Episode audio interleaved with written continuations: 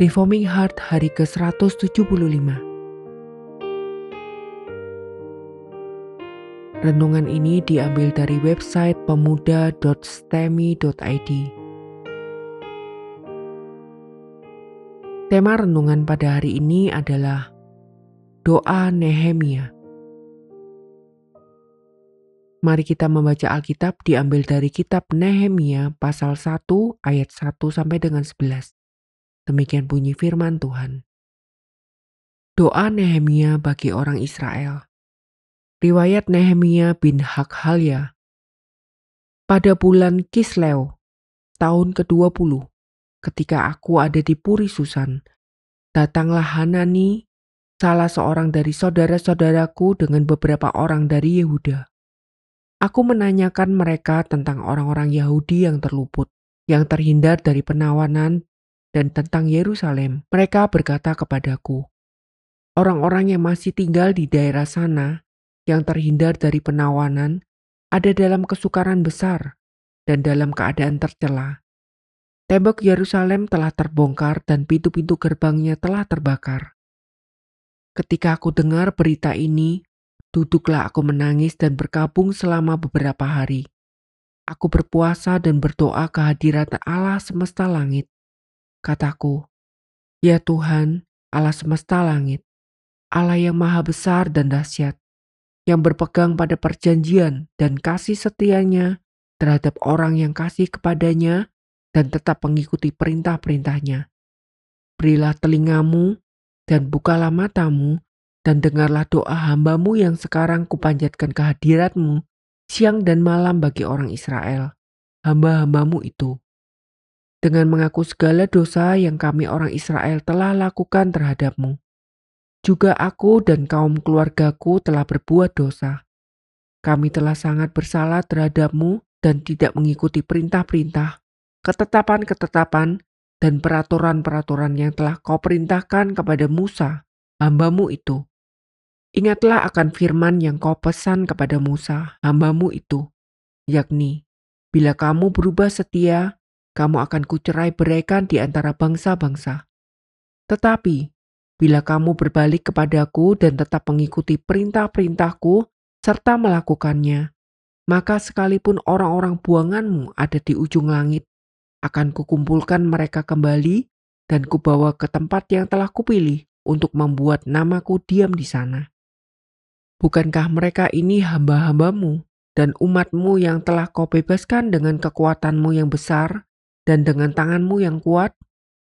Ya Tuhan, berilah telinga kepada doa hambamu ini dan kepada doa hamba-hambamu yang rela takut akan namamu.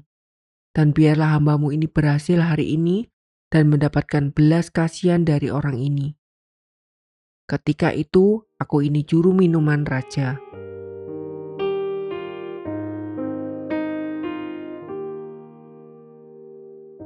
Mari kita merenungkan. Kita telah menyelesaikan kitab Sakaria dan sekarang kita membahas kitab Nehemia. Pasal 1 mengisahkan tentang beban hati Nehemia bagi orang-orang Yehuda yang ditinggal dan tidak ikut diangkut oleh Raja Babel, Nebukadnezar. Dia juga sangat terbeban dengan penduduk Israel yang baru kembali ke Yerusalem karena di sana tembok kota masih berupa reruntuhan. Beban hati Nehemia ditunjukkan olehnya dengan berkabung. Tanda perkabungannya ditunjukkan dengan berpuasa dan berdoa. Beban hati yang sungguh akan mendorong seseorang untuk memanjatkan doa.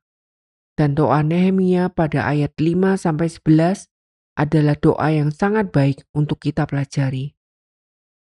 Dalam ayat 5 Nehemia memanjatkan doa kepada Allah dengan kesadaran yang penuh tentang siapakah Allah.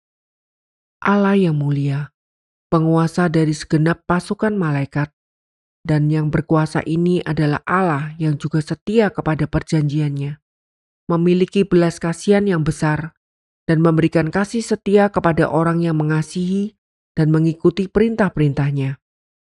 Doa yang benar muncul karena dipanjatkan oleh orang yang mengenal Allah yang benar dengan cara yang benar. Karena Nehemia mengenal siapa Allah, maka dia memanjatkan segala permohonannya dan menggantungkan segala harapannya kepada Allah yang sejati. Karena Nehemia mengenal Allah dengan cara yang benar, maka dia berbicara dengan cara yang berkenan kepada Allah. Di ayat 6 Nehemia melanjutkan doanya dengan mengakui segala dosa-dosanya dan dosa-dosa bangsanya. Dia mengakui bahwa bangsanya layak dihukum. Dia tidak memohon kepada Allah karena merasa diperlakukan tidak adil kepada Allah. Dia memohon kepada Allah karena minta belas kasihan Allah untuk mengampuni bangsanya yang sebenarnya tidak layak diampuni. Inilah pengakuan dosa yang agung. Nehemia tidak hanya mengatakan bahwa bangsanya telah berdosa, dia juga mengakui bahwa dia sendiri dan kaum keluarganya telah berdosa kepada Allah dan layak dihukum. Dalam ayat 7 pengakuan dosa Nehemia juga bukan hanya basa-basi. Dia tahu apa saja dosa bangsanya dan kaum keluarganya. Dosa mereka adalah melanggar perjanjian dengan Tuhan Allah. Allah telah memanggil mereka menjadi umatnya, tetapi mereka gagal menjalankan bagian mereka sebagai umat Allah. Mereka tidak setia kepada Tuhan. Mereka melanggar Taurat dan menyembah berhala. Di dalam ayat 8 sampai 10, Nehemia memanjatkan permohonan kepada Tuhan berdasarkan janji Tuhan. Dia tidak berani meminta sesuatu tanpa dasar. Dia tidak mau menuntut Tuhan mengerjakan sesuatu yang Tuhan tidak berkenan lakukan. Itulah sebabnya di dalam ayat 9, Nehemia mengatakan bahwa Tuhan sendiri telah berjanji untuk mengumpulkan mereka dari segenap ujung bumi jika mereka bertobat dan berbalik kepada Allah. Nehemia berdoa sesuai dengan janji Tuhan.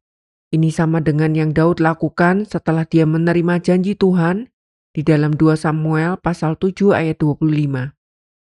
Orang-orang agung dengan kerohanian raksasa selalu memahami janji Tuhan sebelum mereka memohon kepada Tuhan. Mereka meminta di dalam koridor janji Tuhan. Apa yang Tuhan tidak pernah janjikan tentu tidak mungkin menjadi permohonan doa yang baik. Terlalu berani untuk menuntut Tuhan bertindak. Dia memiliki kedaulatan untuk bertindak. Dan karena itu, orang yang mengakui kedaulatan Tuhan akan membatasi permohonannya untuk sesuai dengan apa yang memang telah menjadi rencana Tuhan ayat 11 mengatakan bahwa Nehemia telah memiliki rencana untuk dijalankan. Dia telah berencana untuk pulang dan membangun kembali tembok Yerusalem. Tetapi untuk mampu melakukan itu dia harus mohon izin dari Raja Persia.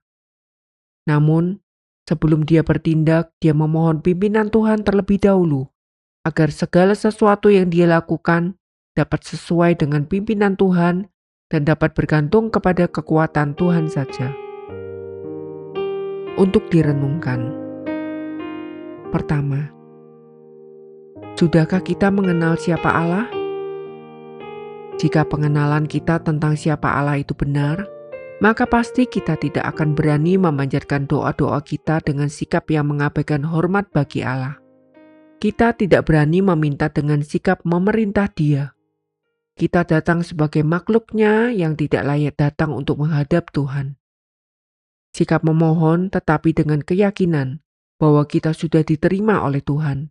Inilah sikap doa yang benar. Sebagaimana dikatakan oleh Martin Luther di dalam tulisannya kepada Peter, seorang pemangkas rambut. Yang kedua, apakah beban doa kita? Apakah yang membuat kita tergerak untuk memanjatkan doa-doa kita kepada Allah? Ada yang begitu egois dan hanya menjadikan dirinya sendiri sebagai dunia pergumulannya.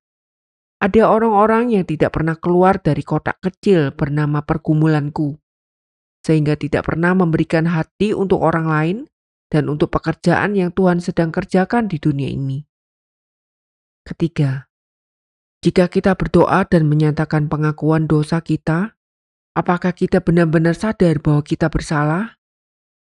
Apakah pengakuan dosa itu terjadi karena kita sedang menerima akibat dosa?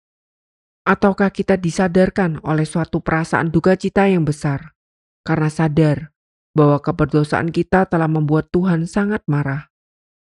Jika kita sadar bahwa perbuatan kita, pikiran kita, rancangan kita, semua itu membuat Tuhan marah, barulah kita dengan sadar berdoa kepada Dia dengan perasaan yang serupa dengan perasaan Nehemia, yaitu bahwa kita sesungguhnya layak dihukum. Permohonan supaya Tuhan mengampuni, yang keluar dari kesadaran bahwa saya seharusnya dihukum, akan membuat pengakuan dosa itu menjadi suatu permohonan yang akan membawa kepada pemulihan sejati. Tetapi pengakuan yang tidak disertai dengan kesadaran sedemikian hanya akan membawa manusia kepada perasaan pembenaran diri dan menjauhkan dia dari pertobatan yang sejati. Keempat, jika kita meminta kepada Tuhan, apakah kita berniat untuk mengatur Tuhan dan memberitahukan Dia apa yang seharusnya Dia kerjakan? Ataukah kita dengan rendah hati memohon kepada Tuhan hal yang memang telah Dia janjikan? Janji Tuhan mendorong orang-orang saleh berdoa, sedangkan hawa nafsu mendorong orang-orang fasik berdoa. Kelima, jika kita berdoa, apakah kita berdoa dengan kerelaan bekerja melakukan sesuatu untuk apa yang kita doakan? Kita berdoa untuk penginjilan. Sudahkah kita juga merencanakan terjun di dalam memberitakan Injil? Nehemia memohon supaya tembok Yerusalem diperbaiki, dan dia telah berencana untuk pergi dan memperbaiki tembok kota Yerusalem. Ada yang hanya berdoa tetapi tidak rela terlibat di dalam pengabulan doa mereka. Ada yang hanya bertindak tetapi tidak pernah menyerahkan seluruh rencananya kepada Tuhan yang berdaulat. Biarlah kita memiliki kerelaan untuk membayar harga untuk hal-hal yang kita telah doakan. Jangan berdoa tanpa dorongan beban yang sejati. Jangan berdoa jika tidak sesuai dengan apa yang memang berada di dalam janji Tuhan. Jangan berdoa jika kita tidak rela bayar harga untuk apa yang kita doakan. Mari kita berdoa. Tuhan, ajarlah kami berdoa.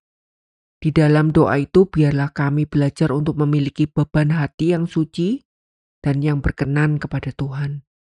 Ajar kami juga untuk mengenal janji-janjimu, sehingga kami memohon karena Engkau telah lebih dulu berjanji kepada kami kami juga rindu untuk terus sadar siapa kami, sehingga kami datang ke hadapanmu dengan perasaan yang gentar dan rendah hati, menyadari ketidaklayakan kami, sekaligus dengan iman datang kepadamu, karena kami tahu engkau telah menerima kami. Berikan juga kami hati yang siap untuk membayar harga yang engkau tuntut dari kami, untuk berbagian di dalam jawaban Tuhan atas doa-doa kami.